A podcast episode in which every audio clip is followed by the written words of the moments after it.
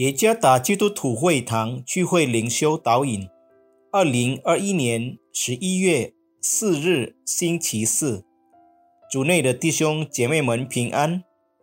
今天的灵修导引，我们要借着圣经约翰福音四章三十九到四十二节来思想今天的主题：做见证的呼召。作者利百家传道。约翰福音四章三十九到四十二节，那城里有好些撒玛利亚人信了耶稣，因为那妇人做见证说，他将我素来所行的一切事都给我说出来了。于是撒玛利亚人来见耶稣，求他在他们那里住下，他便在那里住了两天。因耶稣的话，信的人就更多了，便对妇人说：“现在我们信，不是因为你的话，是我们亲自听见了，知道这真是救世主。”德怀特·莱曼穆迪是十九世纪的美国传教士，在他经历悔改之后，他热心为他所信的基督。向许多人做见证，无论走到哪里，他总是向遇到的人见证福音。他的使命呼召是见证，而不是改变人。他相信只有圣灵才能把罪人变成基督的跟随者。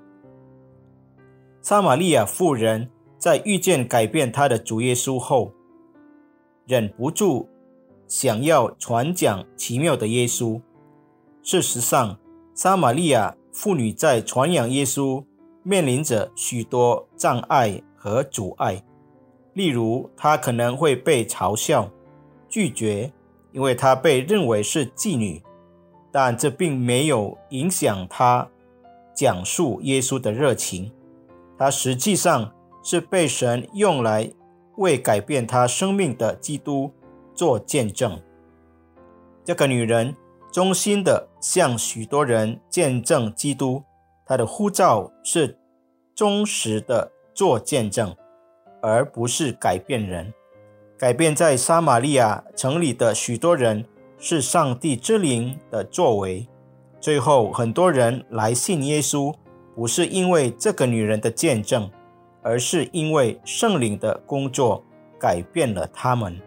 这位妇人的见证被神用作一座桥梁，带领许多人前来聆听基督耶稣救恩的信息，使他们愿意相信基督的事，圣灵在他们心中运行的结果。我们的呼召是衷心的向任何人见证我们所相信的基督。只有圣灵有能力改变。那些听到我们见证的人，如果我们经历基督，那么我们将有圣灵的引导和同在，热切的向任何人见证他。无论我们在见证基督时将面临什么样的挑战和风险，我们都会忠诚的来行，因为那是我们的呼召。感谢上帝的一种方式。是向他人忠实的见证他，愿上帝赐福弟兄姐妹们。